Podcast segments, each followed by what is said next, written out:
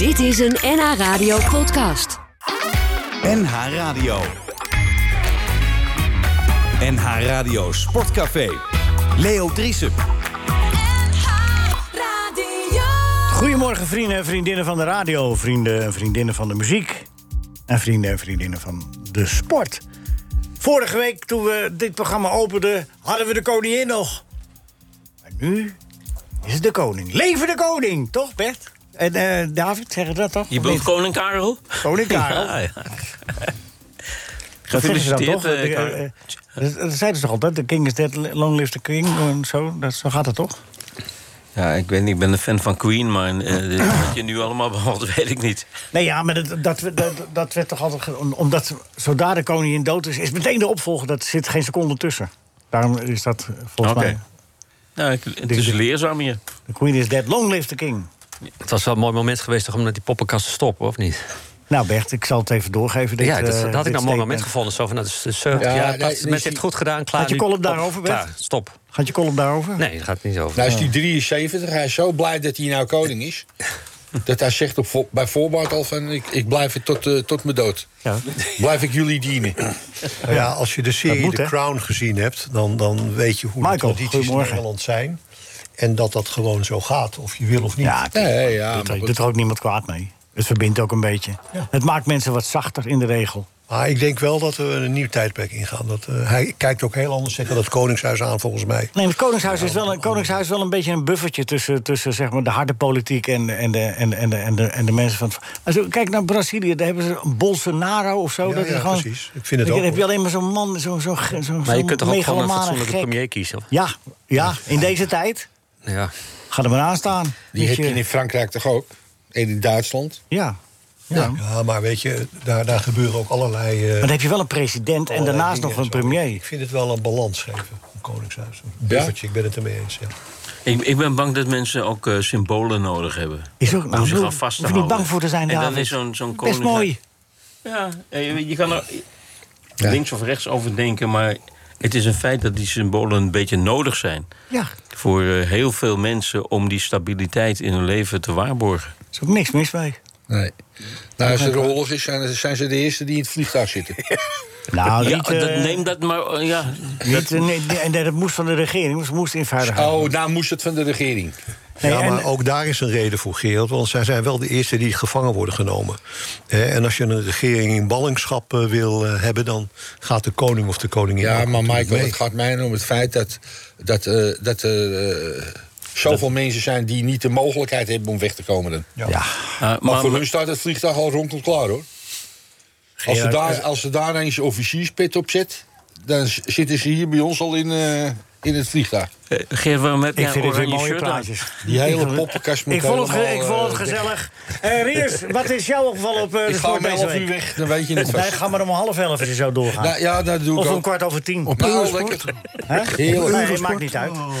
Eurosport Roglic, Ja, Roglic, ja. dat hij onderuit ging. Tweede uur gaan we daar uitgebreid over praten. Want dan hebben we aan de telefoon José de Kouw. Want België is helemaal gek. Ja. Want eh, ze krijgen een eh, rondewinnaar. Het is eh, spijtig dat, eh, dat het gebeurde, want Ja. ja. Roglic eh, die had misschien nog wel kansen gehad. Nou, was bezig om in te halen. In ieder geval was hij beter. En hij had twee etappes dat hij inderdaad weg kon rijden. Dus En tijd aan het winnen was. aan tijd aan het winnen was. Dus het is spijtig dat het, dat het gebeurde. We hoorden gisteravond overigens wel eh, Ries de Plugge, de directeur van Jumbo-Visma... en die begon een beetje over dat die, eh, dat die andere renner, die Wright... dat die schuld had aan dat is. Maar dat, Ja, dat heb ik niet begrepen, dus, nee, eh. maar wat een gelul, joh. Dat was gewoon... Als er al schuld was, was het Roglic zelf. Die, die stuurde in. Ja, Dus kom op, dat, dat was echt een beetje spijkers op laag water zoeken. Een beetje flauw en een beetje slapjes. Oké, we gaan dadelijk praten met eh, Rinus en met Gerard en met Gio Lippens. Nou ja, in het tweede uur.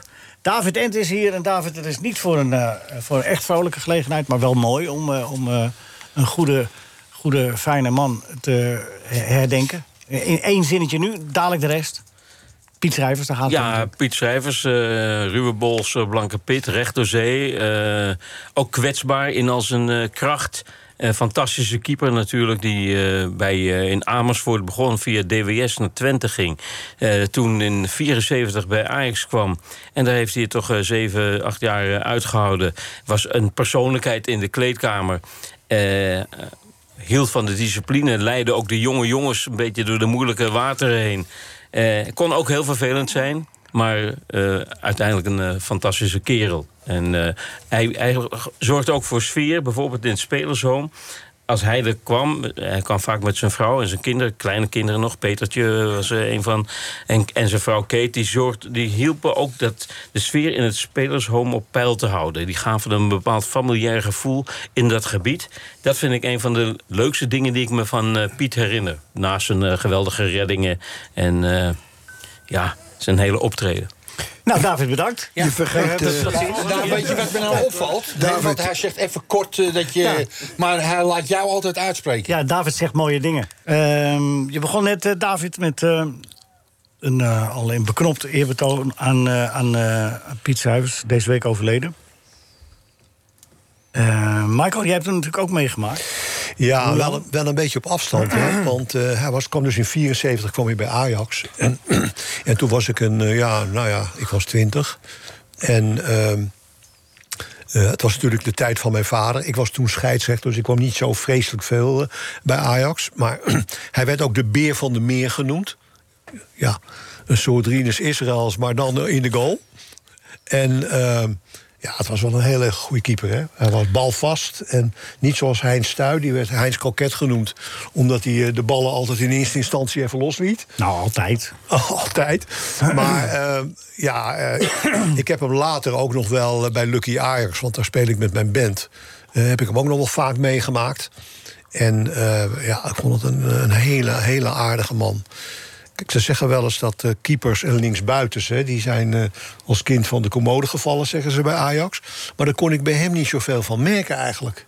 Of, of vergis ik me daar nou in, David? Nou, hij was, wel een, hij was toch ik, wel een beetje een aparteling, ja. en eh, zeer ambitieus ook. Ja. Dat, dat is ook, hè. hij was ongelooflijk fel, eerzuchtig. Hij maakte ook wel eens amok. Ook met het bestuur van Ajax op een gegeven ogenblik. Hij had grote kritiek toen Cor Brom eh, trainer was. Oh, echt? Omdat de discipline liet de wensen over. Ja. En ik was erbij in 74 dat hij, dat hij kwam. En toen was Heinz Stuy was nog onze eerste keeper eigenlijk. nee, zeker. En dan, dan voelde je op die trainingskampen voelde je een bepaald spanningsveld. En eh, hij ging door roer en ruit hoor. Er was geen eh, mededogen niets bij, Oh, eh, bij Piet. Nee, eh, wat dat betreft was hij ook recht door zee. Maar bedoel, bedoel je dat dat met, eh, met was hij dan oncollegiaal of, of zo? Of, of- Nou, zonder, zonder eh, direct ondermijnend of, of oncollegiaal te zijn. Maar hij liet, eh, hij, hij liet geen centimeter ruimte voor, eh, voor Heinz om, om misschien ook een kans te krijgen. Dat was ook zoiets. Met Hans hij kon, Gallier hij aan kon het dus eind van zijn carrière. Dat was later, ja. Ja. De, de, maar hij, hij speelde ook vaak geblesseerd omdat hij niet wilde dat iemand Oh, anders die plaats ja. innam. Ja, ja, ja, ja. Eh, hij, hij was dus ook een bikkel en hij pleegde geweldige roofbouw op zijn lijf. Hij heeft de laatste vijf, zes jaar van zijn carrière altijd met eh, een band op zijn knie gespeeld. Ja, we hebben er nog eentje. Eh, Rinus? ja, is toch geen last die- van gehad verder. Hè? Nee, eh, nee, ik heb er geen last van gehad. Nu, eh, de laatste jaren een, be- een beetje. Ja, ja. een beetje. Maar je had toen toch ook dokter Rolink? Die, ja, die zorgde er toch ook altijd voor dat je weer kon spelen? Nou, Roland was, eh, was toen een, net weg. Oh, hij was net weg. oké. We hadden toen dokter Greep. Oh, Koogreep. Ja. En dat was eigenlijk chirurg toch eigenlijk? Ja. Ja, die zat. Hoe heet dat ziekenhuis ook alweer waar die zat? eh, zat, eh, bij het eh? Andreas. eh, Dan, ja, en eh Co was eigenlijk chirurg. Ja. En eh, eh, ja, zo gaat dat in die tijd. Hij heeft mijn vader toen eens geholpen eh, in het ziekenhuis met iets, ik weet niet meer wat. Ja, en toen werd een chirurg werd eigenlijk clubarts. ja. Wat natuurlijk toch een beetje eh, ja, niet direct zijn expertise is. nou, hij hield ook wel van het voetlicht. Hè? Ja, Co Greep hield erg van het voetlicht. ja. Ja, maar hij heeft mij ook nog wel eens eh, eh, geopereerd, Co. Maar dat was anders. Deed hij dat dan bij Ajax? Of moest je wel naar het ziekenhuis? Nee, ik moest wel naar het ziekenhuis. Dat deed hij niet bij Ajax, nee. Ja. Nee, nee. nee. Maar goed, je, je, je zei, toen was het dokter Rolink. Wat, wilde je daarmee zeggen? Want daar begon je iets mee te zeggen Nou ja, kijk, eh, om, je had, het over die, eh, die, die band om zijn been. Eh, ik kan me nog wel herinneren dat ook dokter Roning, dat was een soort dokter die zei van. eh, joh, eh, kan je niet spelen? Nou, dan zal ik je wel even helpen. En dan ging er een injectie in en dan speelden ze. Ja. En dat gebeurde, geloof ik, eh, als ik het begrepen heb, wel iets te vaak. Waardoor, eh, waardoor ik denk niet dat het goed is. Hij zocht de grenzen op. Hij zocht de grens op, ja. En de Zo pilletjes? Hè? En de pilletjes? Ja, pilletjes ook, ja. Maar dat is altijd hoor. Want ik kan me herinneren dat ik eens een keer hoofdpijn had. En toen kwam ik Piet Mon tegen. Nou, dat is de aardigste dokter die er bestaat in mijn ogen. En dan zei hij, oh, heb je last? En dan greep hij in zijn broekzak. En dan gaf je met zo'n heel hand- handje pilletjes. Hij zei, neem dat maar, dan heb je nergens meer last van. Maar dat was waarschijnlijk placebo. Nou, nee, nee, nee, nee. Dat waren wel echte, echte, echte pilletjes. Het maar dat, werkte. dat geeft ook verder helemaal niet.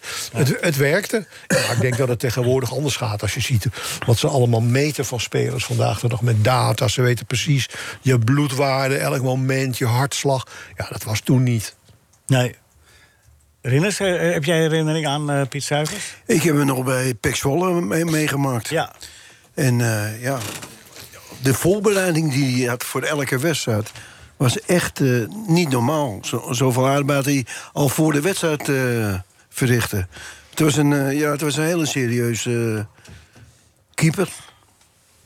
Maar kun je een beetje beschrijven, die voorbereiding, hoe dat dan ging? Wat deed Ja, hij dan ja, de- allemaal? hij, had, hij had zelf de, de warming-up. Maar, die, en dat was heel intensief. En, en, en daar ging je heel mooi in op. En, nou ja, het was, het was gewoon een hele serieuze, serieuze vent. En eh, je kon op hem rekenen in de wedstrijd. Ja. Dus je kon maar beter uit de buurt blijven als aanvaller. En eh, als, er- als er een balletje tussen, je- eh, tussen de centrale verdediger en een Pietje kwam... dan kon je beter een paar stappen verder, stappen verder eh, wegkomen... om, eh, om als in, dat je niet in contact met, met Piet kwam. Want fysiek was het een, een verschrikkelijk sterke vent. Denk ik ook wel. Hè? Die ging niet opzij, hè? Ja, was een, eh, daarom die bijnamen natuurlijk van eh Beer van der Meer. Ja. Maar hij, wilde ook altijd, hij wilde ook altijd hard trainen, hè? Ja. Ja, ja, hij had natuurlijk ook een lijf dat, eh, ja, Dat eh, had hij gemaakt nodig. was om, eh, om het gewicht te, te pakken. En dat wist hij. En dat, dat gevecht eh, moest hij elke dag aan. En dat vond hij dan ook heerlijk samen met Bobby Harms eh, bij Ajax in die periode. Waar dat waren eh, veldslagen van man tot man. En dat vond hij heerlijk. En dan was hij eh, ja, tevreden na de, na de training wanneer dat gebeurde. Wat mij ook nog opviel, maar is een, een detail, maar wel ook een beetje kenmerkend voor hem. Toen hij kwam bij Ajax, eh, speelde Ajax met, een, eh met Lecoq Sportief als eh kledingsponsor. En hij bedong dat hij in, een, in zijn Adidas trui kon keepen. dat was natuurlijk heel bijzonder. Weet je, dat, dat hij een uitzonderingspositie wist te bedingen. Want ja, hij had een contract met Adidas, had die al jaren. En dat zou hem geld kosten. En Ajax ging dat niet vergoeden. Zo was het verhaal dan. Nou, toen hebben ze hem dus... hij heeft eigenlijk zijn leven lang in een eh, Adidas-trui eh, gespeeld... waar de club eigenlijk een andere... Maar dan heb je wel persoonlijkheid, hoor. Eigenlijk een beetje navolging van Cruijff, doe met Puma. Ja, het, ik denk, met, ja. met twee strepen. Ja, maar Cruijff kan je wel zeggen dat is een, eh, een man van macht. Ja, zeker. En dat was Piet Schrijvers iets minder, maar toch wist hij dat wel voor elkaar te krijgen.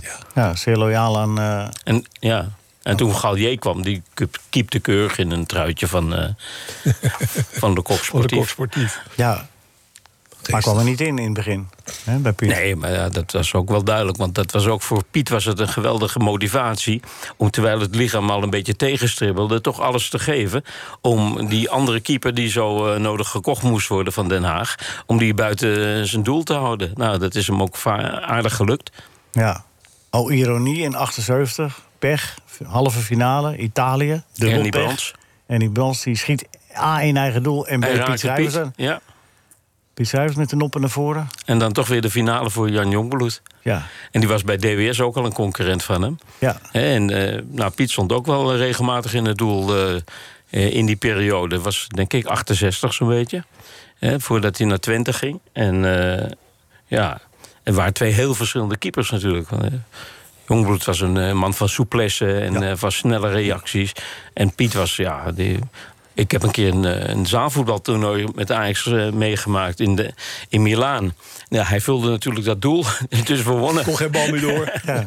Kwam niks door. Ja, en het was altijd over, over zijn lijk wanneer een doelpunt werd gemaakt. Ja. En als hij er twee of drie tegen had gekregen, dan was hij echt een hele week niet te genieten. Maar dat, maar dat moet je als keeper toch ook wel hebben, denk ik. Hè, Ik denk dat het een belangrijke factor een is voor elke speler factor, dat je ja, een beetje precies. dat hebt. Maar hij had het excessief. Ja, Ja, ja. want ik denk dat, dat je als je op de keeper afliep bij, bij, bij Pietje... dat je toch wel een beetje eh, met een imponerende lichaam... eh, dat je uitkeek eh, dat je niet te dicht bij hem in de buurt kwam. Ja, dat was zo. Tegenstanders en medespelers Ja. hadden dat. Ik hoorde van eh, gisteren op de radio een, een, een of andere anekdote... dat, eh, dat er een, een speler op hem afkwam, doorgebroken speler... en dat hij toen heel hard begon te schreeuwen. Waardoor die speler schrok en de bal naast eh, schoot. En toen schijnt Johan Cruijff nog naar Piet, Kei- naar, Piet Schrijvers gegaan te zijn van... nou, goed gedaan, jongen. Maar dat was zijn manier van doen. Kun je je voorstellen dat je als keeper in de goal staat... en dat je denkt, nou, ik, ik, ik werp me niet voor die speler... maar ik, ik schreeuw, ik laat hem schrikken. Nou, Ja. Ja, het een behoorlijke bariton hoor. ja, dat geloof ik best. Ja. Ja, Maar- bij- bijzonder.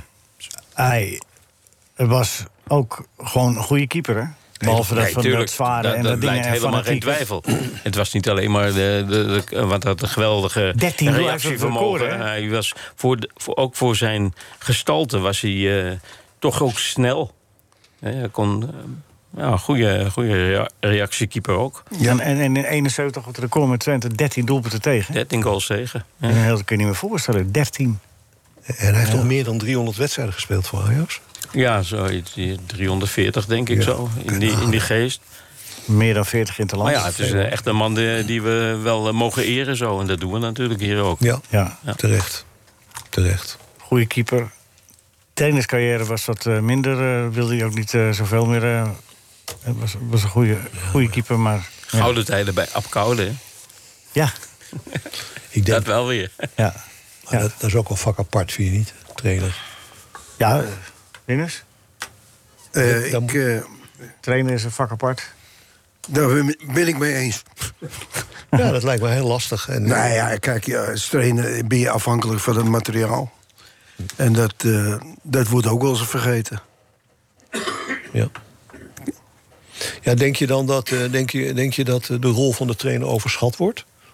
Dat het, dat het echt een kwestie is van materiaal? Dat Ik denk dat het ik het zelf zou kunnen... Ik ja. denk dat het onderschat wordt. Oh, onderschat. Ja, tegen, zeker tegenwoordig. Er komt zoveel bij kijken. Als ik, in, je moet ook een manager zijn van... eh, van niet alleen van je, van je team, maar ook van de, van de staf, de mensen eromheen. Je moet data kunnen interpreteren. Ja, ook. En daar hebben ze dan weer mensen voor. Maar ik denk dat het een. eh, dat, ik zou het nooit kunnen. Ik, ik zou het een hondenbaan vinden.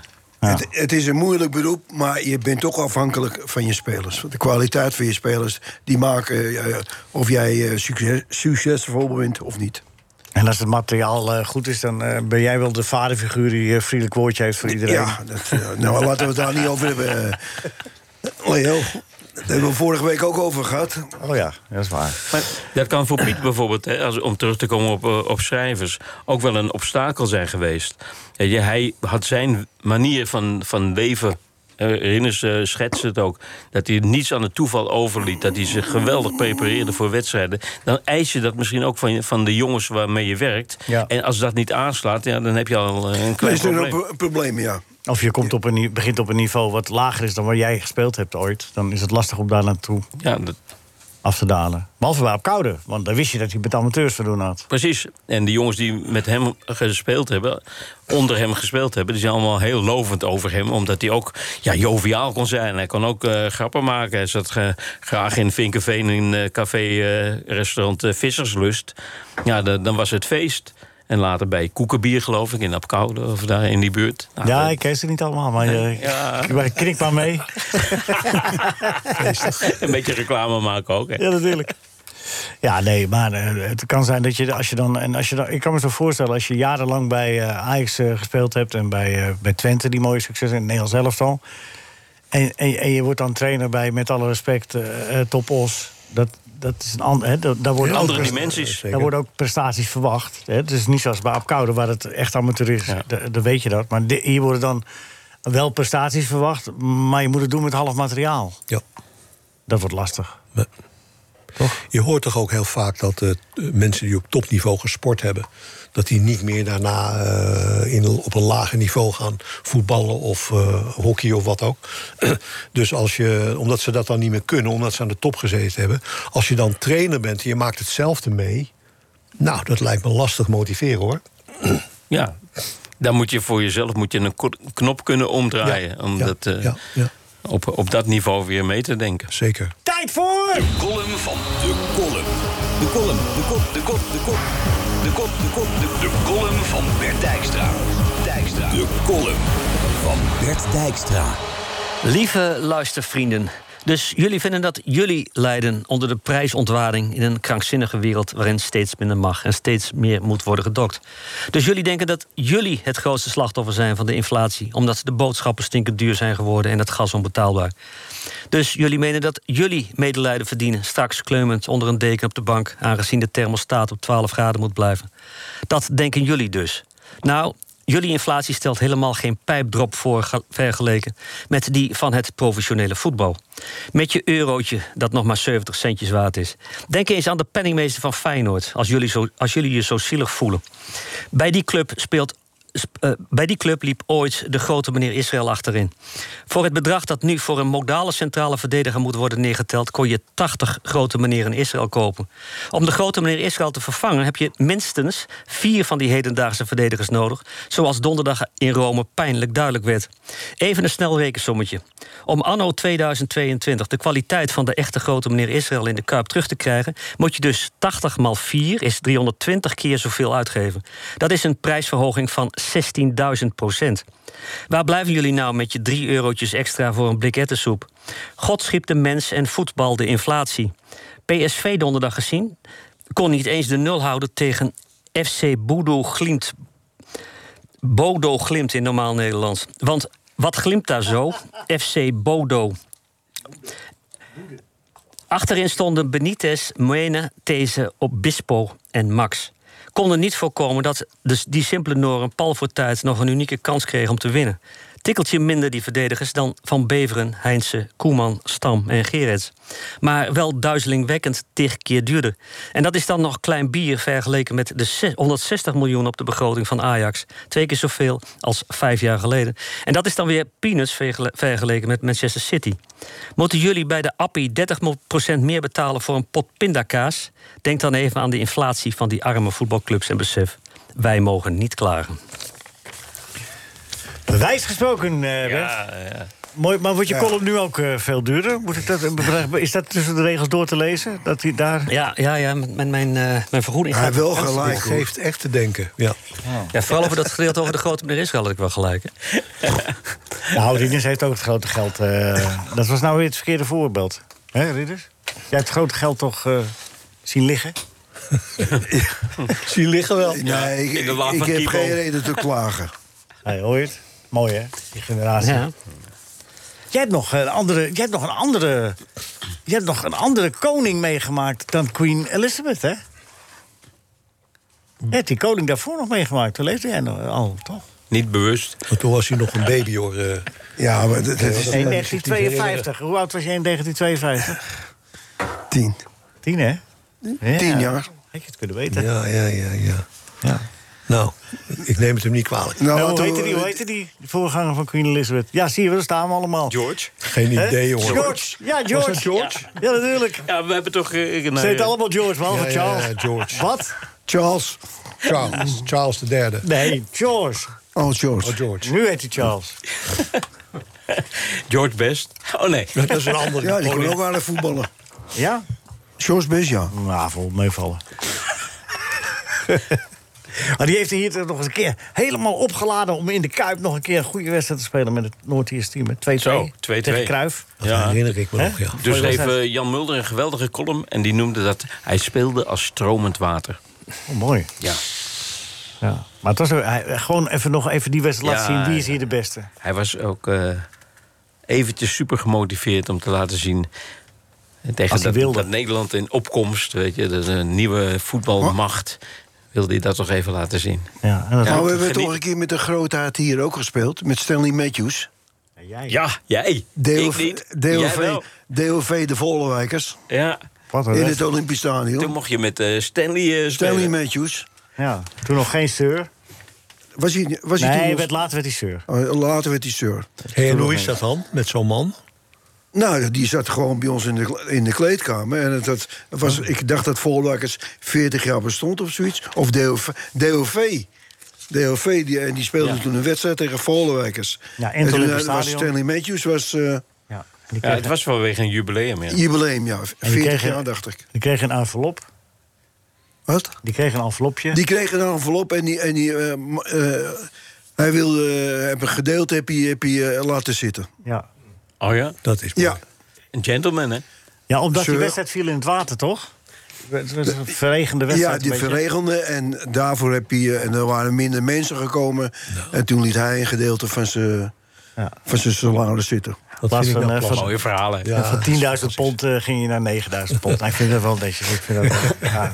We gingen nog even over eh, 1962. Je speelde met Sir Stanley Matthews. Je viel zo op in die wedstrijd.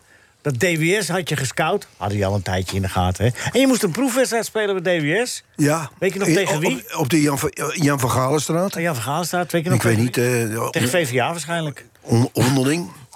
En eh, toen werd ik na afloop eh, geroepen door drie, eh, Eh, Grote heer. drie heren. Ja. En eh, nou, die keken heel, eh, heel bezorgd naar me.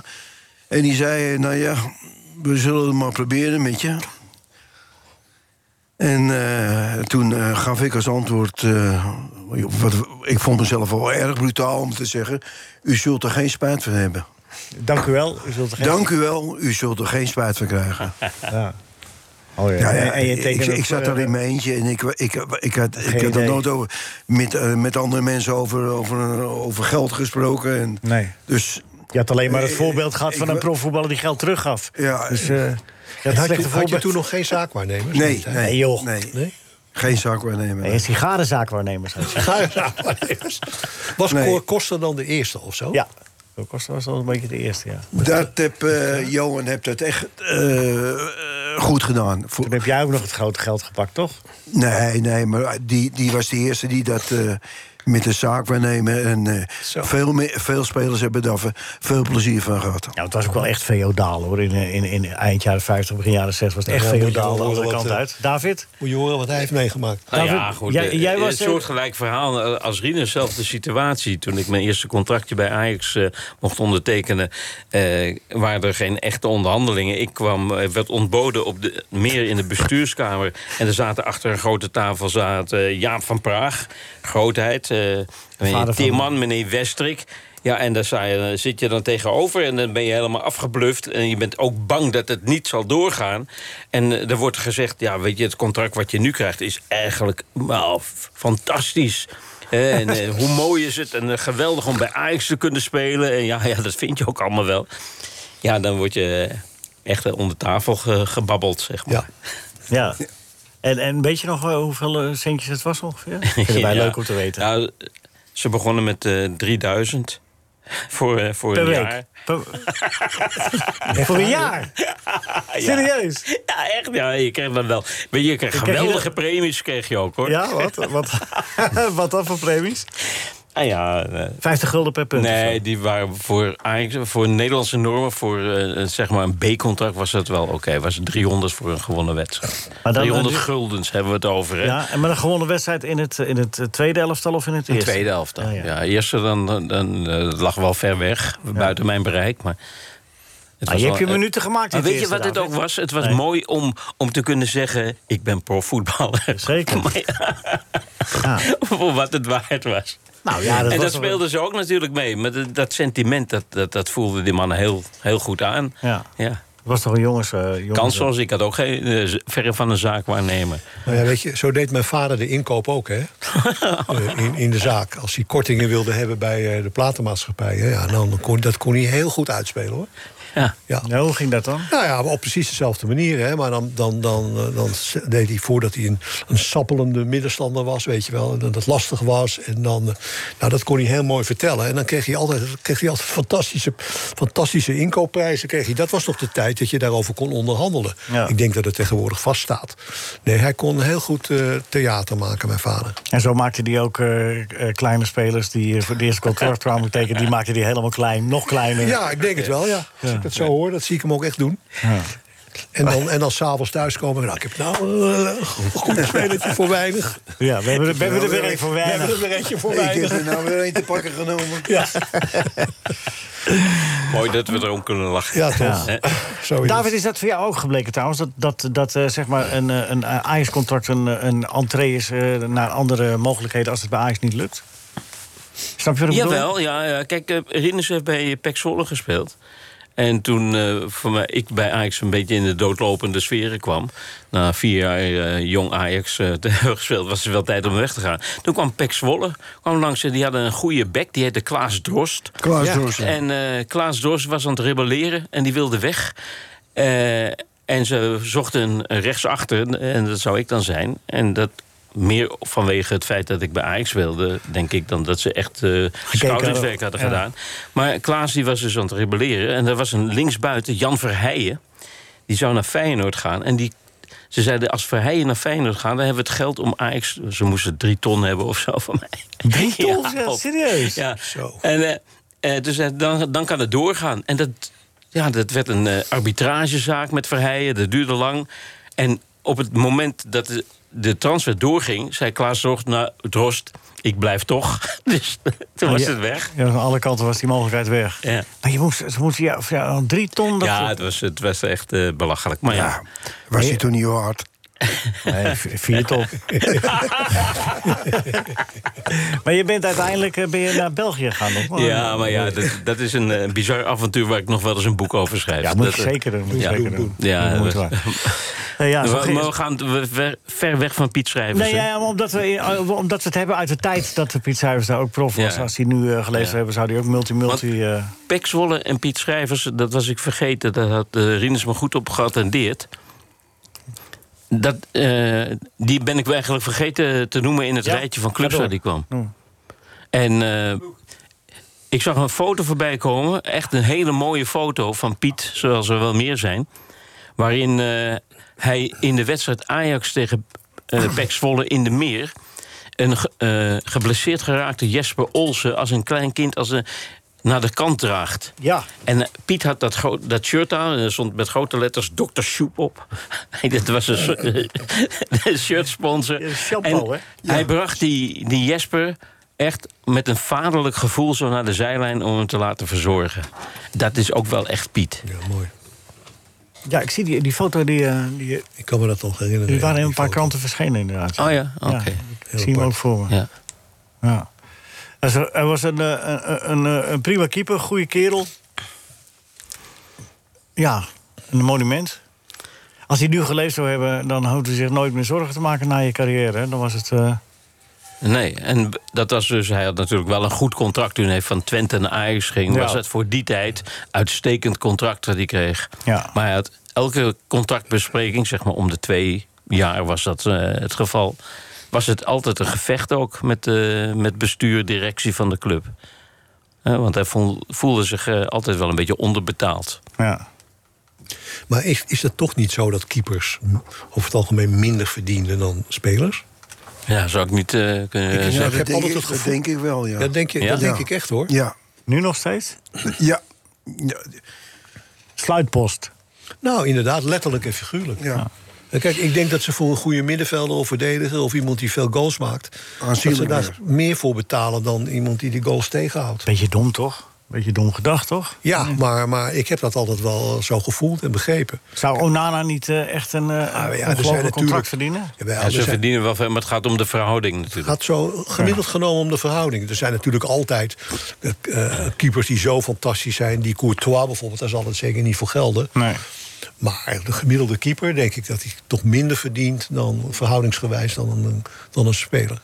Zeker dan een aanvaller. Ja. Ja. Piet Schrijvers, hoe moeten we hem, eh, hoe moeten we hem, hem gedenken? Als, als, als zeg maar de, de beste keeper eh, die Ajax ooit gehad heeft? Of eh, moeten we hem herdenken als een, een international die pech had, net de finale misliep?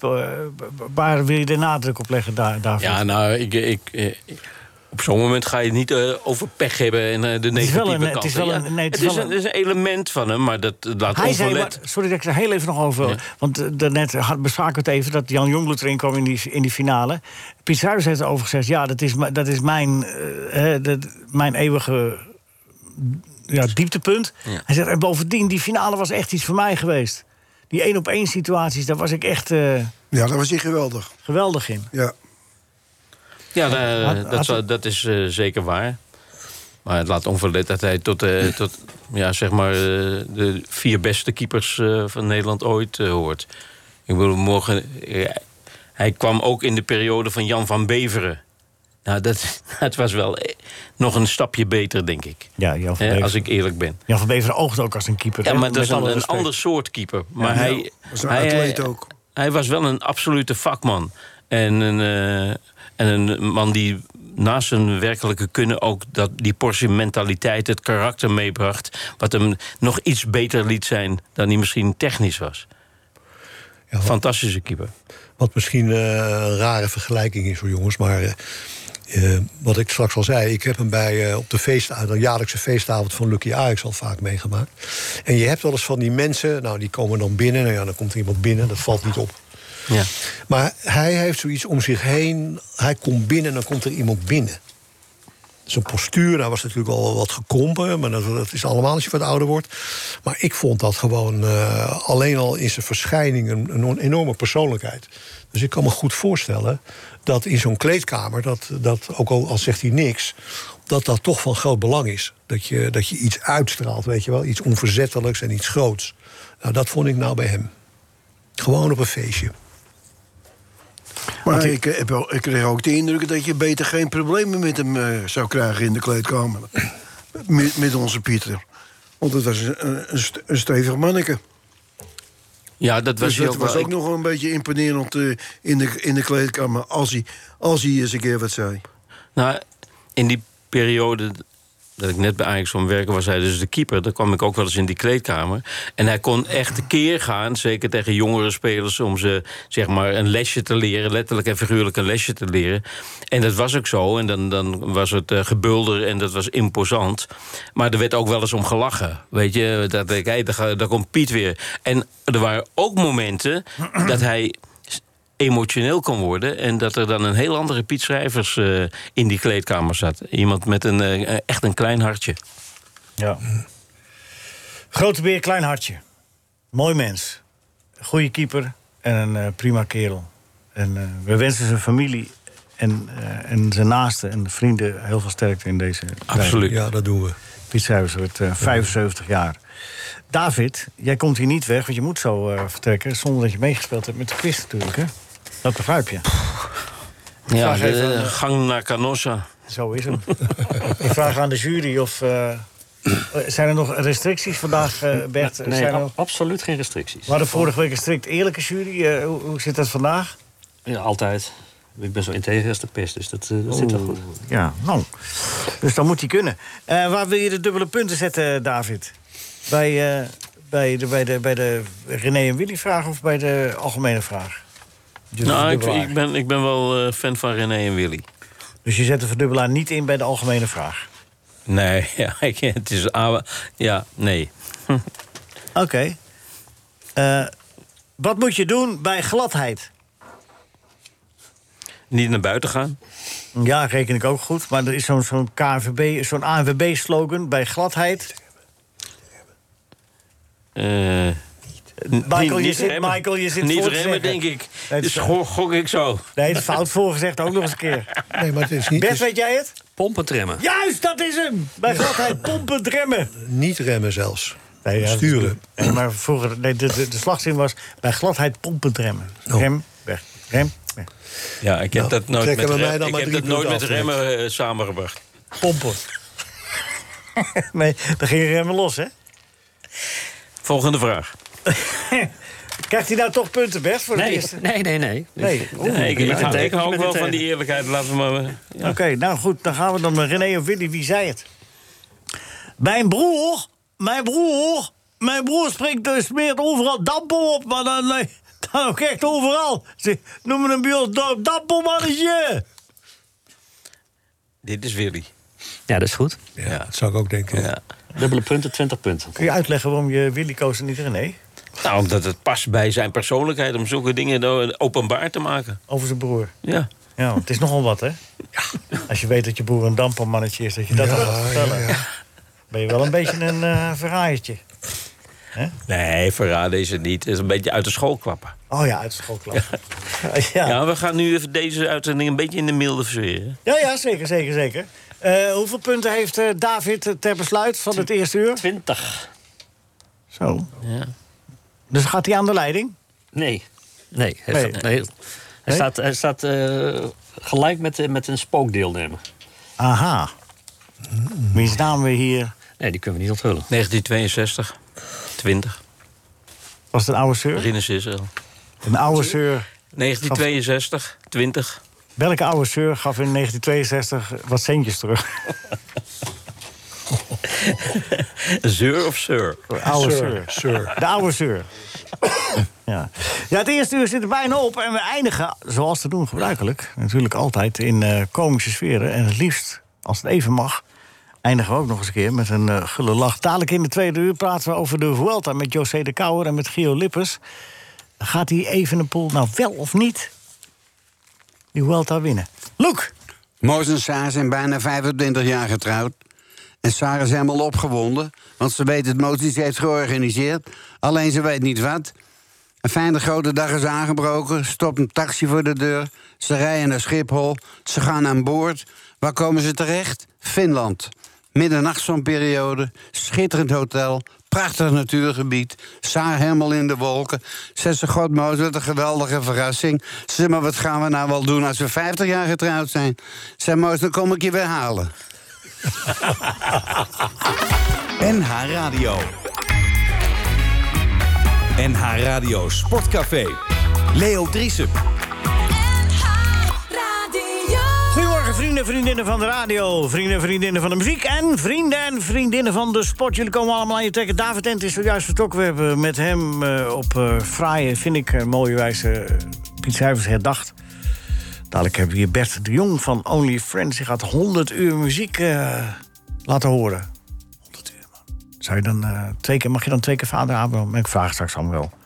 Of het allemaal kan. We gaan ook eh, eerst aandacht besteden dadelijk aan de Welta met José de Kouwer en Gio Lippens. Gio, goedemorgen. Goedemorgen. Ja, we proberen José te bereiken, maar we, krijgen, we hebben niet het goede nummer, denk ik. Terwijl hij zo... Even kijken. Ja, kwestie van voorbereiden, hè? Ja. Oh, jee. Oei, deze komt aan. Maar het kan zijn dat hij heel druk is met de Vuelta. Ja. Maar goed, ik beheer zijn agenda niet, dus dat scheelt weer.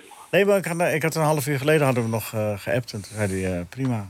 Dus, eh, Ah, oké, oké. Nou, dat, ja. Want zij doen het ook vanuit Brussel, hè, zoals wij het vanuit Nederland doen. Ja, ze zijn niet daar. Ook niet, ook niet afgereisd. Dat verbaasde mij wel. Ja, er is één man en dat is de man van de radio, Christophe van der Goor. En die doet dan ook meteen de interviews voor tv. Ah, Dus zo. daar hebben ze dus wel een soort constructie bedacht dat er in ieder geval iemand bij is. Want ja, Remco Evenepoel, hè. Ja. Gaat het gebeuren? Ja. Hoewel, hoewel vandaag eh, eh, komt eh Evenepoel en het hele peloton over de klim... waar Tom Dumoulin lang geleden zijn Vuelta verloor. Ik weet niet of je nog kunt herinneren, toen stond hij ook in het rood... een paar dagen voor de finish in Madrid. En toen werd hij er door de ploeg van Fabio Aro vakkundig afgereden. Ja, hoe, de- hoe deden ze dat? Eh, mannetjes vooruitsturen. En eh bruggenhoofd en eh, daarna vol aanvallen. En Dumoulin die zich niet helemaal goed voelde toen. Ja. En, en inderdaad, die haakte toen af op een van die klimmen. Ja, en toen hebben ze hem echt vakkundig vermoord. En kan dat op die manier vandaag ook? En, en wie moet dat dan doen?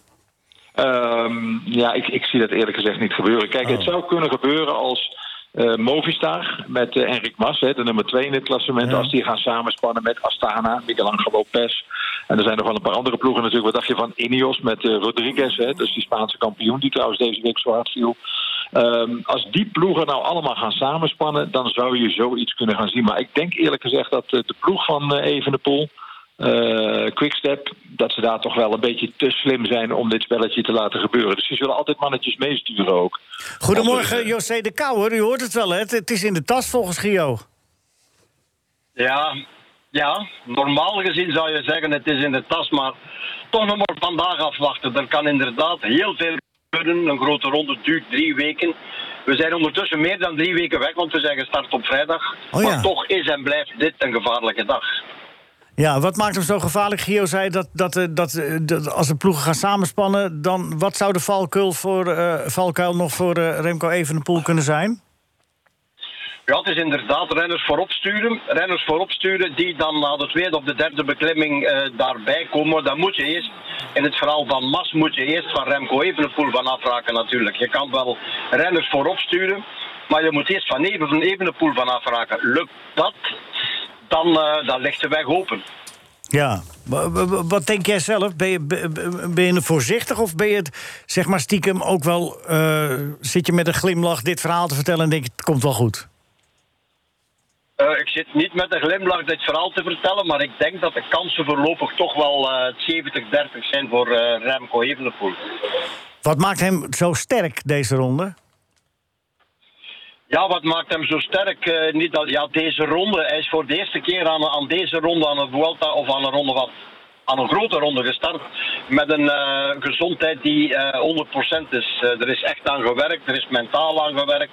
Eh, hij heeft de kwaliteiten, dat hebben we al vaak gezien. Hij heeft al hele mooie dingen gedaan op 22 jaar. Echt een verrassing is dat niet. Alleen was het te veel een beetje ups en downs. Eh, en voorlopig hebben ze die downs er kunnen uithalen en eh, is dit het resultaat. Ja.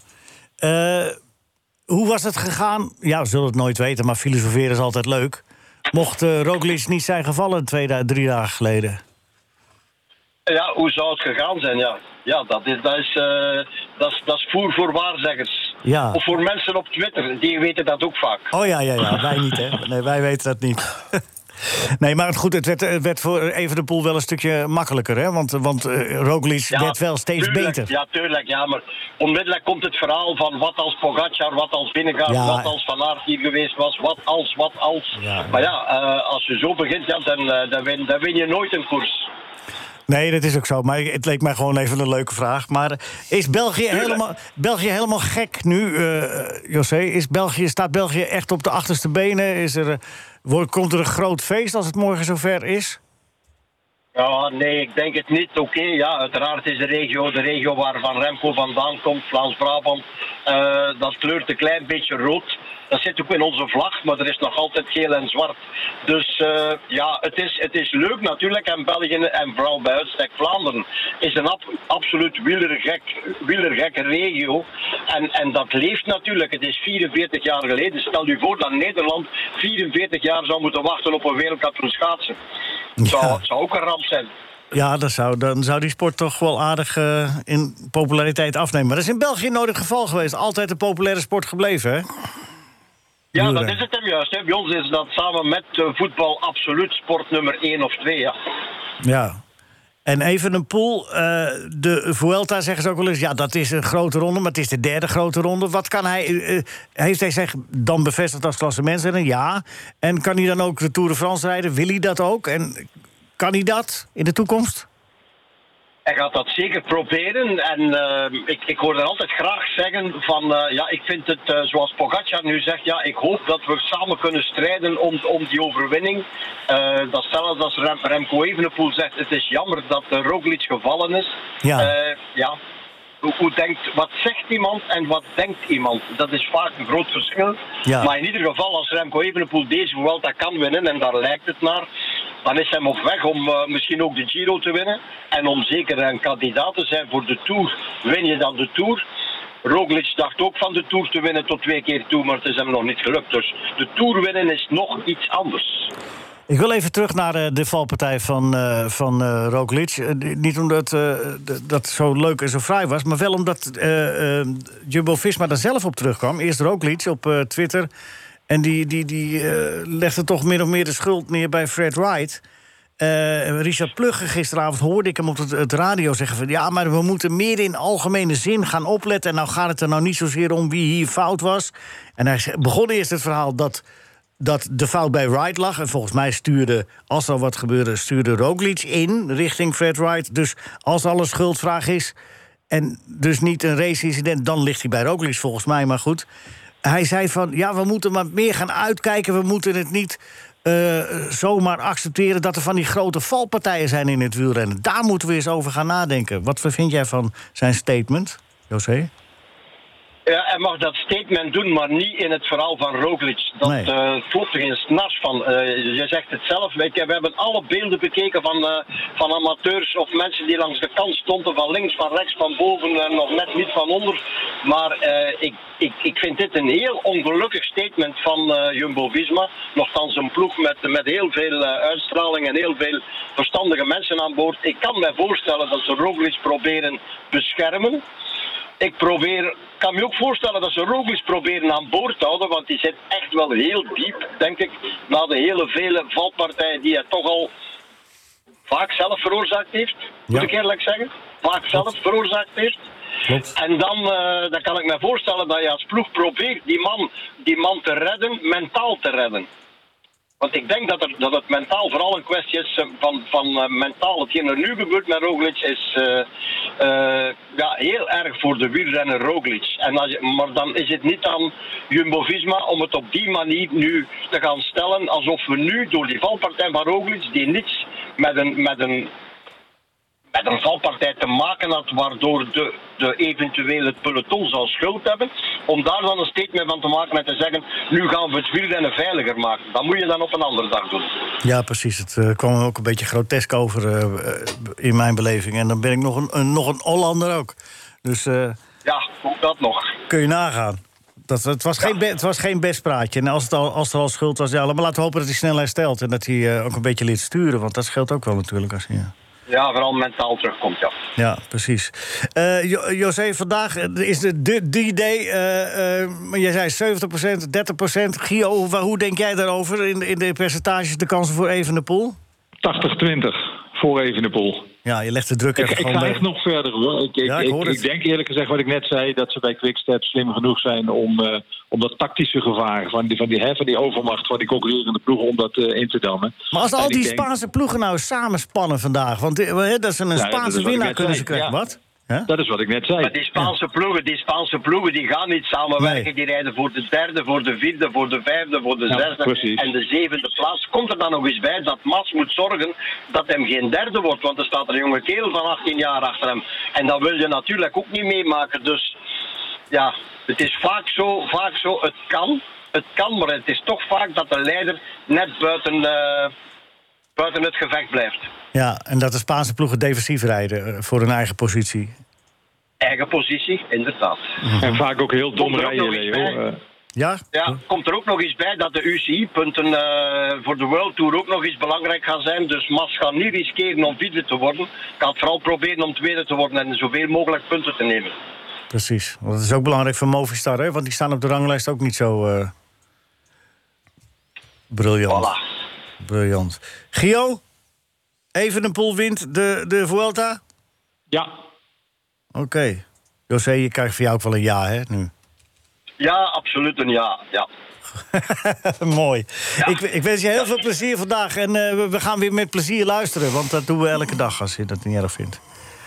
Dank u wel. En we, luisteren, we luisteren gewoon gratis mee vanuit Nederland, hè? Want zo zijn we ook alweer. Ja, tuurlijk. Moet kunnen, hè. Ja. José de Kouwer, dankjewel. Namens, eh, namens eh, eh, Nederland gefeliciteerd vast met die Belgische overwinning in de Vuelta. Oh, oh, oh, rustig, rustig, rustig. ja. hey, heeft Freddy Maartens hem niet ook een keer gewonnen met 13 etappe-overwinningen? Was dat? Ja, 13 etappen op 18, want er waren er een paar afgelast in de regio van het Baskeland. Dat was wel even een andere tijd dan dat je 13 etappes wint. Andere tijden sport, ja, inderdaad. Andere tijden. Ja, hij moest er eh, hard voor werken nu dit jaar. De Vuelta. Vandaag nog een mooie, fraaie etappe. Dankjewel, José. Eh, op weg naar Brussel. Doe voorzichtig. En eh, tot een volgende keer graag. Oké, groeten Gio. Doei. Gio, ja, zeker. jij komt niet weg natuurlijk zonder even, zoals elke week, gekwist te hebben, hè? Zo is dat. Kennisvraag. Verdubbelaar. Oh, hoor je dat, eh, Bert? Nee, ik heb niet gehoord. Eh, Gio wil de, de, Gio wil de, de, de... José noemt jou Gio, hè? Ja, maar dat mag, hè. Ik zeg José ook, hè. Jij zegt José. Oh, dan mag, dan mag ik er weer net... Dat dan mag ook ik- allebei. Nee, Oh. maar dat mag ook allebei, joh. Ze luisteren toch niet. Nee, eh, Gio Gio wil de verdubbelaar bij de, bij de algemene vraag. hè? Kan dat? Ja, staat genoteerd. Staat genoteerd. Komt-ie! Eh, Oké. Nee, die doe ik niet. Ik had, ik had hier een vraag, die doe ik niet. Maar als je het antwoord goed hebt, dan, eh, dan eh, doe ik hem wel. Oké? Voor driedubbelaar wordt het dan. Ja. Noem twee mannen uit Nederland die nooit getrouwd zijn met Patricia Pai. Jij en ik. Ja, dat kan je niet fout rekenen. Oh. Ik ook niet. dat kan je niet fout rekenen, nee. Nee, maar ik bedoelde... Verder zou ik niemand kennen, trouwens. Nee, ik bedoel... ik bedoelde Gerry Eikhoven en Willy Brokamp. Ja. Heel goed van je, maar... Ja, die had je niet, hè? Nee, maar technisch was het goed. Ja, ja, zeker. Oké, eh, daar komt hij. De, de, de serieuze algemene vraag. Ik, moest, ik vond hem toch leuk om eventjes, eh, eventjes te doen. Welke nieuwslezer kon water in zijn achternaam gieten? Fred Emmer. Ja, dat is goed. Jeetje, wat snel ook. Ik ben benieuwd wat de jury hiervan vindt. Nou, ja, het is gewoon 20 punten hoor. Hè? Nou, ik vind dat tempo ook meetelt, hè. Ja, ja, oké, maak er 21 van, ook niet kinderen. Bert, zo ken ik je weer. Als vanouds, kreukbaar. Daar komt hij. Wie zei het, René of Willy? Tuchel werd ontslagen bij Gelgie. En toen schreeuwde mijn broer... Ik spring in dat gat! Ik spring in dat gat! Bel maar! Hé? Ik denk dat dit René was. Ik denk dat dat goed is. Ja, ook dat nog. Het niveau is hoog, hè? 31 punten in totaal, dat is niet misselijk. Nou, dat ben ik weer niet, hè, denk ik. Maar, maar ja. dat niet natuurlijk. Nou, maar je, Ja, je komt denk er dat, net, hoor. ik denk dat Rinus gewoon wint weer. Nou, Nee, ik weet het niet. Ik weet het niet vandaag. Ik weet het niet. Maar we hebben ook Bert. Bert is een deelnemer die nog nooit mee heeft gedaan, hè, Bert? Nee, dat wil ik ook graag zo houden. Bijzonder strenge jury. Nou, misschien, eh, misschien kijk je er toch nog in, eh, Bert. Ik weet het niet. Kijk eh, straks wel. We gaan het meemaken, toch? Gio, Oké, de Vuelta. Ik wou het niet tegen José zeggen, maar het is, het is, maar, het is maar een kleine ronde. Het is maar de derde ronde. nou, nee, maar het is een kleine ronde die wel steeds belangrijker wordt. ja, is ook komt- zo. Nee, het zou geweldig zijn als het lukte. Als eh die Remco Ja, even en ik denk ook echt dat het- de, de komende jaren worden super interessant. Want je hebt natuurlijk Evenepoel nu erbij. En, en je weet, ik was behoorlijk... Ja, ik twijfelde aan hem eh, voor Ja. deze ronde. Terecht. Nooit ik ben nu overtuigd, want hij heeft echt prachtige dingen laten zien. Ja. Evenepoel, Pogacar, Vingegaard, daar komt die Ayuso nog bij. Dat jongen pas 19 jaar oud. Rodriguez. Dit, dit wordt echt leuk hoor, de komende jaren. Herinners die ook Van. Aert, maar Van Aert is dan niet echt een ronde renner. Hoewel, die het misschien, als hij zou willen... Ja. Ik zou het nu niet meer durven roepen. Ik zou bij Nee. wijze van spreken Je weet het niet. een tijdje geleden nog hebben geroepen bij Van Aert. Die wint nooit een grote ronde. En omdat hij dat zelf trouwens ook altijd roept. Ja, precies. En toch, hè, ja, als hij zich er een keer op toelegt. Er stond, stond vandaag ook weer een aardig verhaal. Ik dacht in de Volkskrant eh, over Tijmen Arendsman. Overigens ook een jongen waar we mee rekening kunnen gaan houden voor de toekomst. Ja, Eh, die wint die, wel even de koninginrit, is hè? voor een klimmer. Hè. Die is 1,93 of 1,92. Ja. En, en, en dus die heeft zijn fysiek ook niet echt mee als het gaat om, om, om grote ronde rijden. Maar ja, dat, dat kun je dus ook van, eh, van eh, Wout van Aert zeggen. En, en je ziet toch, nou, dat hebben we trouwens ook met eh, Tom Dumoulin gezien... dat Ja. je niet per se in vedergewicht hoeft te zijn om een grote ronde te winnen. En de wereldkampioen wordt renner die we al een tijd niet meer gehoord of gezien hebben. Mathieu van der Poel. Eh, Precies. Ja, voor het eerst sinds Joop Zoetemelk, 1980. Nee, nee, 1986 was dat. Zou die geen Oh, sorry, ronde ja, kunnen 80 was winnen? de Tour. Ja, 80 was de. Tour. Wat? Zou die Ai, geen ai. ronde kunnen winnen? Van Wie? de- Van, Poel, van de Poel? Nee, de ronde van de Vinkveen. Nee, eh, ik- Nou, dus Nee, maar die vraag wordt ook vaak gesteld hoor. De vraag die Rinus nu stelt van... ja, dat- geef dat- dat eens antwoord. Nee, maar, maar ik denk dat bij Van der Poel nog minder ja daarop gezegd wordt Ja. kan worden dan, dan bij Wout van Aert. Omdat Wout van Aert ook heeft aangetoond dat hij in het hooggebergte heel lang mee kan en, en geweldige dingen kan laten zien. Van de Poel had last van Eh. had dan misschien een beetje te veel last van zijn rug en zo. Nou, fijn. Het is, Ja, nee, ik, ik zie het Van der Poel nog niet zo snel doen. Ook niet het type rennen. Van der Poel is een beetje een, een eh, ja, hoe noem je dat? Een beetje druistig. Die wil avontuur, die wil allemaal leuke dingen doen. En als je ronde renner bent, moet je ook een beetje saai kunnen zijn. Ja, maar hij, heeft wel de, hij heeft wel getoond dat hij de discipline op kan brengen om dat drie weken te doen. Hè? Dat heeft hij wel gedaan, Van de Poel. Dus die, zet, die zet ook stapjes in die richting. We wachten het allemaal keurig af. Ja. Ja, maar, hij, maar even nog, hè, dat deed Ja. hij als aanvaller vooral. Hè, in de, Ja, ja, in de zeker. Giro. Hè, Maar Dat- wel dat- drie weken op niveau. kijken. Maar wel drie Precies, weken op maar niveau. niet als, als, als, als klassementsrenner. Want dan moet je gewoon blijven zitten. En, en, en dan moet je eigenlijk dingen doen die tegen je natuur ingaan. Eh, Althans tegen de natuur van eh, Mathieu van der Poel. We wachten het allemaal keurig af. Ja. Ik dank je hartelijk weer voor de afgelopen eh, drie weken de bijdrage. Ja, winterslaap gaat nu lekker beginnen. Wat gaat beginnen? De winterslaap. Nee, we krijgen de WK nog, vriend. Tuurlijk, WK, veldrijden, noem maar op. Lekker voetballen kijken. Ja, nee, maar we, bedoel, we gaan je nog lastigvallen.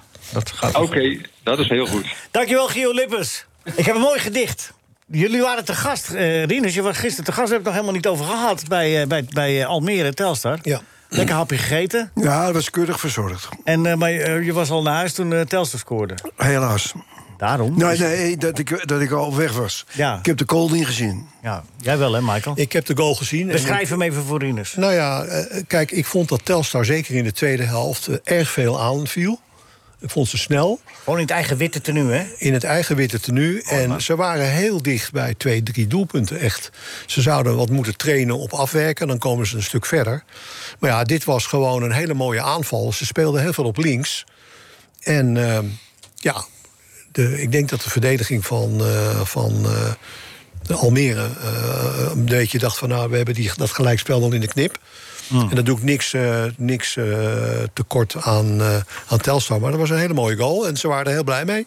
Heb je nou beschreven, die goal? Nee, hè? Nee, maar Maar dat, dat- laat, dat- ik aan dat de, laat ik aan de fantasie over van, eh, Ja, maar vroeg, beschrijf hem nou even. van de even. luisteraar. Nee, doe nou even. Voor de, voor Nou goed, die bal die werd voorgezet. Al die ballen werden voorgezet. Ja, je kwam van achteruit deze. Ja, maar goed, dus dat heet, dat heet toch voorzetten? Nee, voorzet is vanaf de zijkant. Nee, ja, ja, nou goed. Dan beschrijf jij hem dan even. De bal over 40 meter in de diepte. Nou, goed, maar dat noem ik, ja, goed, maar ik ben een leek, dus ik, ik noem dat een voorzet. En geeft krijgt de bal daar voor de rechtervoet. En Ja. na, laat, na de stuit neemt hem en schiet hem in de korte hoek hard en hoog. U ziet het dames Goed beschreven. Ik kan beter niet in de sportverslaggeving gaan. ik noem dat gewoon een voorzet. Het gedicht van Adriaan Rem over Almere Telstar. Adriaan Rem is een van de meest fanatieke supporters. Krijgen we zojuist binnen het gedicht. Bert, je, je moet nog even geduld hebben. Vind je niet erg, hè? Nee, ik vind het helemaal niet erg. Ik luister met heel veel plezier. Oh, was jij dat ook? Goed zo. Nou, eh, Bert, ken je Adriaan Rem als dichter? Eh, ik ken, ken hem wel op van Twitter, maar ik heb eh, nog geen gedichten van hem. Uh, Nou, daar komt Opponent kreeg vaak zijn zin. Gaat hij er toch nog in? Maar dat is over dus. Want zeven minuten plus was daar David Min. David Min was de doelpunt te maken. Hoe vond je het, eh, David? En, eh, ik bedoel eigenlijk Bert. Ja, dat is een mooi gedicht. Heel mooi gedicht. Ja. De Eredivisie, de uitslagen. Go Ahead Eagles tegen Telstar. 3-1. Oké. Rode JC tegen Telstar. Ja. 2-2. Ja. AZ tegen Telstar. Tegen Sparta 4-0. Telstar. Tegen Telstar 0-3. Telstar had vandaag een vrije dag. Ah, dag. Scheelt mee, dus allemaal. Even een, eh, een, eh, we gaan dadelijk praten met eh, Bert Jong over eh, Only Friends en het goede doel. Dat is Only Friends. Hoe Bert gaat zorgen dat er veel centjes worden binnengehaald. Want daar gaat het uiteindelijk om. Maar we hebben ook centjes nodig voor de familie van Ypres. Voor Donny van Ypres, Telstar voetballer. Eh, speelt bij Simbroe. Een wedstrijd tussen Simbroe en Dynamo Auto kwam hij ongelukkig in botsing met de keeper van de tegenstander, waarna hij in coma raakte. Het gaat voor stap voor stap beter met Donny van Ypres. Er ligt nog een lange, zware revalidatie in het verschiet. En zijn familie is daarom een crowdfunding begonnen om zijn herstel te bekostigen en te bespoedigen.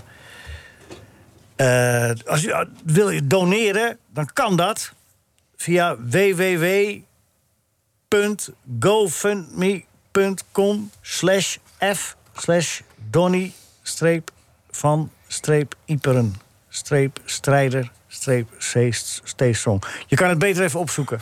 Ja. Ik kan het wel voorlezen, maar het eh, staat ook overal op eh, allerlei sites. Eh, de, tik maar even Donny van Ieper in en dan eh, vind je het wel. Crowdfunding voor eh, Donny van Ieper. Die eh, vecht voor volledig herstel. Maar die revalidatie, moet heel erg veel aandacht aan besteed. kost heel veel centjes. Dus eh, daar kun je aan, aan bijdragen als je eh, wil. Ja, voor het goede doel zijn we altijd bereid wat te doen, hè Bert? Niet? Helemaal super, zeker.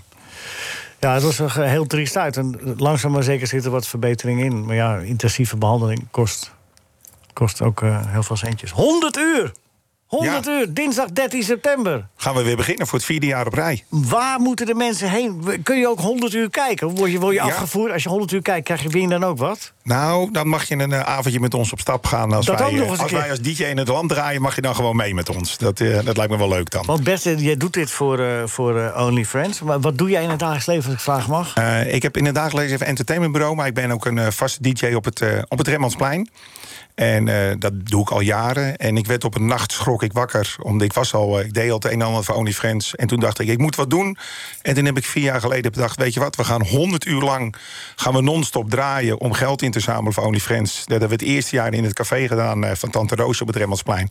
Daarna kwam COVID. Toen hebben we bedacht, we gaan het wel doen, maar we gaan het helemaal online doen. Dus we bouwen in het Friendship Sportcenter een hele studio, zoals jullie hier hebben. En een mooi podium. En dan gaan we gewoon 100 uur, wat online te volgen is... en waar je ook mee naar het sportcenter mag komen... gaan wij een eh, programma maken. Met z'n tweeën, hè? ja, dat doe ik samen met Buddy Brandt, mijn compaan in crime, zeg ik altijd maar. En eh, hij weet, als ik hem ergens voor bel, dan eh, levert het altijd voor ons niks op. Maar dan doen we wel een heel goed doel eh ja, bewerkstelligen. En dat vinden we het op. allerbelangrijkste. Want je krijgt zoveel energie, helemaal van die kids daar zo. Hey, 100 uur is hoeveel dagen? Vier, hè? we beginnen dinsdagavond om eh, 8 uur en we eindigen zaterdagavond om 12 uur. Wat zijn de spelregels voor jullie twee? Eh, nou, de spelregels zijn eigenlijk niet. We proberen zoveel mogelijk eh, met z'n tweeën te zijn. Af en toe gaan we even een paar uurtjes toch even liggen. Want anders is het gewoon niet te doen. Toen ik dit vertelde aan mevrouw vier jaar geleden dat idee... die verklaarde me compleet voor gek. En daarna is ze keihard mee gaan doen eh, in de organisatie ervan. Mooi. En ja, je krijgt zoveel energie van die kinderen die daar in de rond Maar je moet af en toe een paar uur slapen, want anders dan ja... Nou, dan is het niet goed. Als je Nee. boven de 50 bent, dan moet je, heb je dat wel nodig. Maar we hebben ook allebei, allebei een shift van twee keer 24 uur non-stop. Dus eh, ja, het hakt er wel in. Maar het moet ook een uitdaging zijn, hè? want Ja. anders dan, eh, dan heb je er niks aan. Dus. Maar hoe vul je het muzikaal, die 100 uur? Waarmee, met wat? Eh, wij, wij vullen het met En wie alles. kan, er- wie kan, hoe, hoe kunnen we daarnaar luisteren? Dat kan via de website uh, www.100uur4.nl. En de 4 staat voor voor. En dan kan je alles volgen. Je kan het online volgen. Je kan ook naar het clubhuis komen. En wij doen alles eigenlijk spontaan. We krijgen verzoekjes van mensen. Die kunnen met ons chatten. Er kunnen mensen naar ons toe komen. Kunnen ze vragen. En alles. We bereiden niks voor. We gaan zitten. En we gaan een programma maken. En op een of andere manier. eh, mensen schijnen ons leuk te vinden. Ja, maar draai ook je, draai je ook alles? Denk, ik snap het ook niet zo goed. Ja, Maar dat ja. krijg je straks nog wel door. Nee, Ja. Robert. flauw Nee, grapje. mag. Nee. nee, nee, nee, dat is echt heel flauw. Maar, maar, maar welke muziek draai je? Wat, eh, Alles. al- In de breedste zin van het woord. Maar staat er tegenover een verzoekplaat, staat er een centje wat dan eh gedoneerd Nee, dat, wordt? eh, dat Nee, hoeft niet. Dat, dat mag wel natuurlijk. Dat vinden we ook graag. Maar we zijn niet eh, zoals op andere zenders doen... dat ze zeggen van als je een plaatje draait moet je zoveel doneren. Ja. We proberen wel heel veel geld natuurlijk binnen te halen. Dat is belangrijk voor de Wat club. is het doel specifiek nu, deze keer? het OnlyFans is natuurlijk geweldig, maar heeft binnen OnlyFans zitten er ook weer heel veel specifieke dingen. En Nee, we, we doen het echt voor de sportclub Olifants in Ja. al geheel. En die, hebben, die, die zitten natuurlijk in heel zwaar weer, ook door de coronacrisis. En ja, ze krijgen heel weinig subsidie. Het staat op zichzelf. En wij willen gewoon eh, de droom van Dennis Schepping eh, waarmaken... dat die club 100 jaar gaat worden. En dat al die kinderen met een eh, beperking een goede thuishaven hebben... waar ze met veel plezier naartoe gaan. En dat mag nooit verdwijnen. Nee, zeker niet. Nee. Maar zwaar weer, daar hebben ze uit. eh, ik dacht dat het een solide, eh, goede stichting, goede vereniging was die dat eh, allemaal wel managde. Ja, maar ze hebben natuurlijk de laatste jaren, omdat ze heel veel inkomsten krijgen van mensen zoals ik ben, maar ook van een benefit night. En als die dan vorig jaar op het laatste moment wordt afgeblazen, ja, dan scheelt dat gewoon een miljoen inkomsten. En als Ja. je dat twee jaar achter elkaar meemaakt, dan snap je wel voor zo'n vereniging dat dat een lastige zaak is. Maar we doen met z'n allen best, ons best om het eh, in stand te houden, zullen we maar zeggen. Ja. Wat is, wat, welk liedje ga je heel veel draaien? Waar, waar verheug je je op? Om dat veel te laten horen. Want het moet jou ook energie geven, de muziek, ja, toch? Nou, ik draai wel heel regelmatig het clublied van OnlyFriends. Just the way you are. Je bent Van? goed zoals je bent. Bruno Mars. Hebben we die? Die. Ja, die is dat? natuurlijk wel, waar. Ja, die gaan we echt leuk. Dat is- moet jij, dan moet jij hem zo... Als, als eh, Marcel, eh, onze man van de techniek... en van veel meer dingen, die eh, niet altijd lukken... maar eh, hij doet zijn best. maar eh, dan moet jij, hem even, moet jij hem even aankondigen. Oh, dat kan, Eh, zeker. als mensen willen luisteren, waar moeten ze dan eh, eh, vanaf dinsdag 13 september... eh, start je om 8 uur. Ja. Waar, hoe, hoe, kom ik... eh, hoe kom ik te luisteren? Via de website 100uur4.nl 100.4 100uur4.nl Meneer Kasbergen weet het wel. Goedemorgen, daar is Kasbergen weer. En Kasbergen komt nog even terug op de vorige week. Ja, inderdaad, het muziekje, dat was Don't Cry For Me Argentina. En het bandje, wat het eh, niet geheel onverdienstelijk speelde, dat was, of moet je zeggen, dat waren The Shadows. Begeleidingsband van Cliff Richard. Net zoiets als The Lords bij Rob de Nijs. Maar dat was iets van vroeger. Maar ook iets van vroeger, vorige week, Kasbergen had het over speelminuten. Een voorbeeldje. Koeders kreeg heel veel en Broby kreeg heel weinig. Koeders speelde goed, Broby raakte geen bal. Kasbergen pleit voor meer tijd. Dus niet meer voor speelminuten. Nee, we hadden het vroeger, vroeger op de PA, toen was alles beter, hadden we het niet voor niets over speelkwartier. Kasbergen had Broby één speelkwartier gegeven. En dan is dat gelul op de vierkante centimeter over allerlei minuten al gauw van de baan. En ook dat van die bellende spelers naar mijn held. Mijn Louis. Mijn Louis moet niet meer gebeld worden door dat soort spelers. Stel je voor hoe dat gaat. Speler die bang is voor te weinig speelminuten, belt mijn held op. Let op. Hallo, met Truus van Gaal wordt er opgenomen. Dag mevrouw van Gaal. U spreekt met een speler die bang is voor te weinig speelminuten. Is meneer van Gaal thuis? Louis, Louis, ik heb hier weer eentje met te weinig speelminuten. Wat zegt u, Truus? Eentje met te weinig speelminuten. En wat zegt mijn held dan? Mijn held zegt dan... Zoals hij ook bij Manchester United al zei... in zijn beste Engels... Let op, it's a question of time. Laat kou daar maar even op de tafel in het sportcafé. It's a question of time. Dat is toch opzienbarend. Wat? Dat gedicht van Arend. Er loopt de, ja, er loopt de band mee. Heeft inflatie invloed op mijn Chinees? Wordt het bami zonder vlees? Nasi zonder goring? Keding, keding, keding. Dat is toch opzienbarend. Dat fraaie gedicht van Arend. Eh, Bert, heb jij genoten van Ajax eh, internationaal? Zeker, zeker. En andere Bert? Van Ajax. Ik heb de eerste helft gemist omdat ik dacht dat het om 9 uur begon. Ah, ja, dat kan gebeuren. Als, ze nou, als dat nou ook al niet meer vaststaat, dat de Champions League gewoon om 7 uur gaat beginnen, dan is de hele wereld in de war. Alles voor de commercie. hè? Ja, er zijn altijd één of twee wedstrijden vroeg en dan de rest is... Nou, eh, dat, is dan, dat was in het, in het nabije verleden toch niet zo. Alles was om 9 uur toch, met Champions League? Klopt, zelfs kwart voor negen. Nou ja, kwart voor negen, maar rond 9 uur. Ja. Ja. Maar wat je ervan gezien hebt? Ja, de tweede helft vond ik niet zo, maar dat is, dat is logisch als die wedstrijd al redelijk eh, in de tas zit. Heb je PSV wel bekeken? Ja, dat was dramatisch. Dat was verschrikkelijk. Ja? Ja, echt meer dan verschrikkelijk. Ik denk, Wel een mooi doelpunt. Ik dacht dat er een ondergrens was, maar die is, eh, die is dus bij, ik heb zowel bij Feyenoord als bij PSV niet gezien. Nee. Het, Maar bleef, die- maar, het bleef maar zakken. Die Noorden maakte een mooie goal. En, en, en PSV maakt ook wel een mooie gelijkmaker. Maar dat was het dan ook wel eens een beetje, hè? Het is wel een beetje... Een beetje te- en, en Feyenoord dan? Dat, eh, hoe, heb je nog wat troostende woorden voor Rinus en zijn clubpie? Nee. kan kort zijn. nee, nee, er is weinig troosters over, over te zeggen. Het was, was, eh, Hoe kan dat nou? 4-0. Ja. En dan 4-2 nog. Voor een paar jaar. 4-2 gewonnen.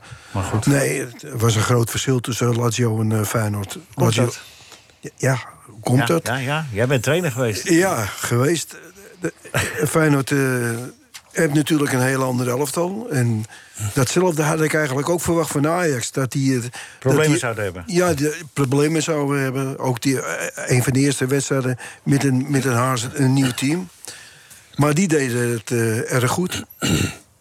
Maar PSV, de, de ouderwets, eh, grote ruimtes, lieten ze de, de- die tegenstanders ook inspelen. Die konden nog die minutenlang eh, de, eh, die, die bal in bezit houden.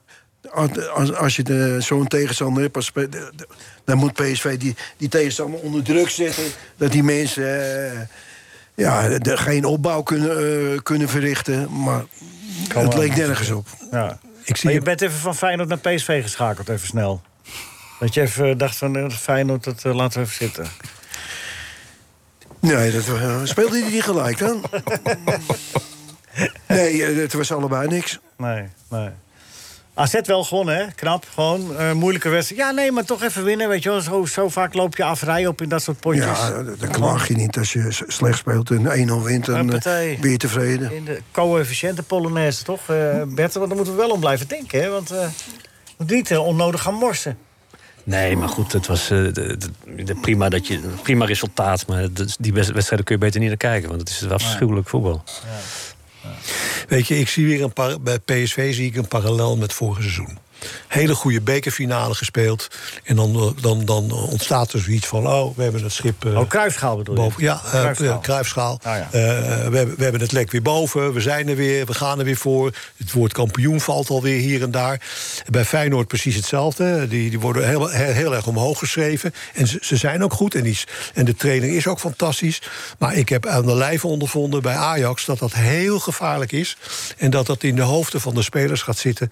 En dat je dan dit soort resultaten krijgt. Ik heb het zelf aan de lijve meegemaakt. Want bij Ajax konden ze daar ook wat van. eh, vroeger. Maar eh, ik denk dat het daar ligt. Want het zijn Ja, er natuurlijk wel voetballers die kunnen voetballen.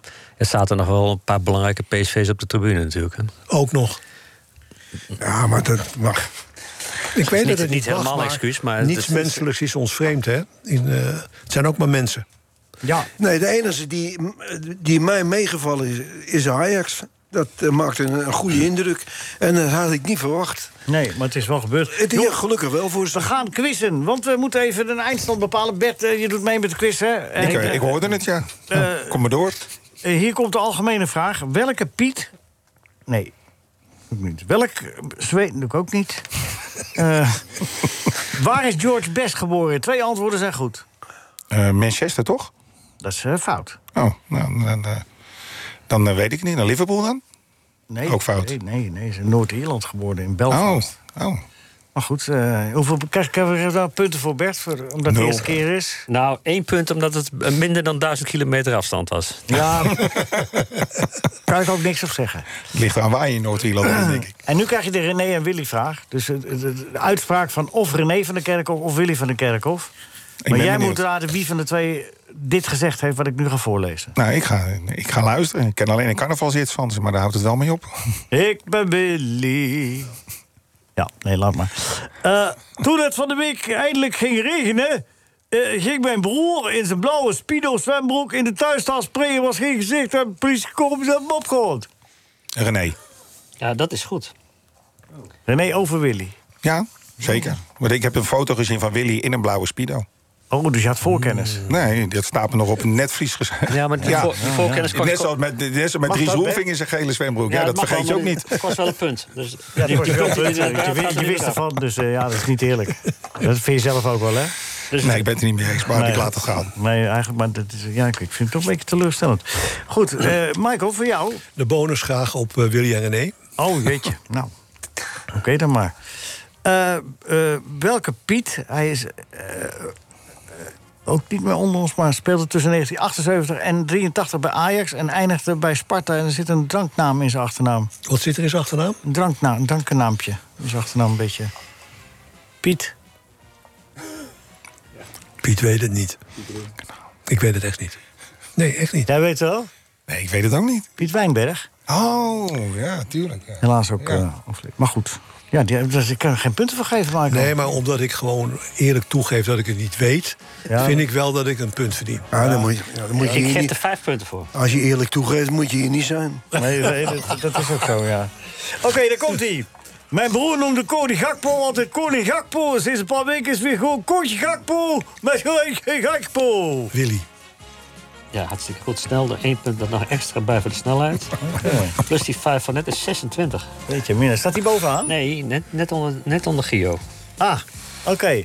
Nu eh, krijgen we de melding, dames en heren, Milaan. Van jou, hè? Ja. Ja, ja, ja. Milaan is geen Rome, hè? Waar Feyenoord alleen maar loopt eh, Nee, dat, is, dromen. dat was een andere wedstrijd. Ja, maar jij, eh, de grote cup. Maar nu is de druk groot, Rinus. Denk jij dat jij eh, vandaag eerste gaat worden? Of, eh, Jawel. Ja? We gaan het zien. Kees Drijvers had ooit een keer tegen mijn broer gezegd... dat hij eh, eh, mijn vrouwtje wel leuk vond. Eh, maar bleek het om mijn vrouwtje te gaan. René. Ja, en, en hartstikke snel. Ja. Niet te geloven. Nou, is dat, is dat de enige aarzeling? Nou, vond ik niet. Dat heb ik niet gehoord, die aarzeling. Nee? En weer eindstand. Ja, Rinus, 93 punten. Het is de, de, de, Max Verstappen van, eh, Ja, van de quiz. Geloof me, het is ook niet meer spannend ook. Ik vond het hartstikke leuk dat iedereen eh, die er was, er was. Bert Dijkstra, dankjewel. Bert de Jong, veel succes met je, met je, met je recordpoging. En, eh, en dat er maar veel zingers mogen binnenkomen voor de Stichting OnlyFans. Michael van Praag, dankjewel. Marcel, bedankt. Rinus Israël, de winnaar. Jawel. En Nico, ook bedankt. Tot de volgende keer.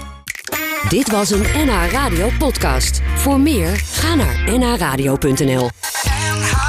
Radio.